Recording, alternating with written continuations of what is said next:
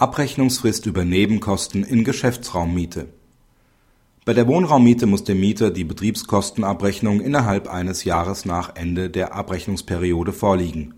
Für die Gewerberaummiete gilt diese Frist allerdings nicht. Die Parteien eines Gewerberaummietverhältnisses streiten darum, ob die Betriebskostenabrechnung für die Jahre 2005 bis 2007, die dem Mieter erst im Ausgangsverfahren Mitte 2008 vorgelegt worden sind von diesem in Hinblick auf die Ausschlussfrist des § 556 Absatz 3 Satz 3 BGB noch auszugleichen sind.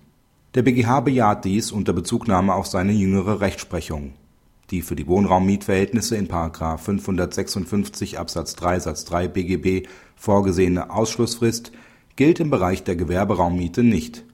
Der Gesetzgeber hat in § 578 Absatz 1 BGB ausdrücklich angeordnet welche Regelungen aus dem Wohnraum auch im sonstigen Mietrecht anzuwenden sind. Die die Betriebskostenabrechnung betreffende Ausschlussfrist rechnet dazu nicht. Eine analoge Anwendung muss ausgeschlossen bleiben, weil es bereits an einer planwidrigen Gesetzeslücke fehlt.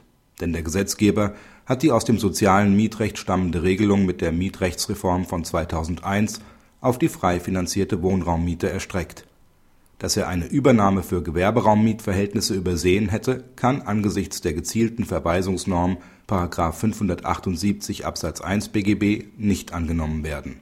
Durch die kanonisierte Anwendbarerklärung einzelner wohnraummietrechtlicher Vorschriften ist eher das Gegenteil zu vermuten.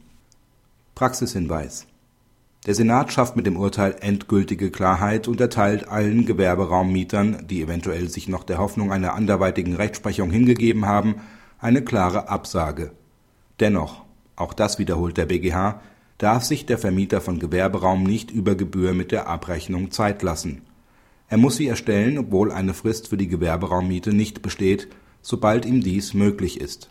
Eine Übermittlung an den Mieter muss dann zeitnah erfolgen. Unterlässt der Vermieter dies, läuft er Gefahr, dass er seine Ansprüche verwirkt. Die wohl zulässige Vereinbarung von Abrechnungs- und Übersendungsfristen wird hingegen zu einem anderen Ergebnis führen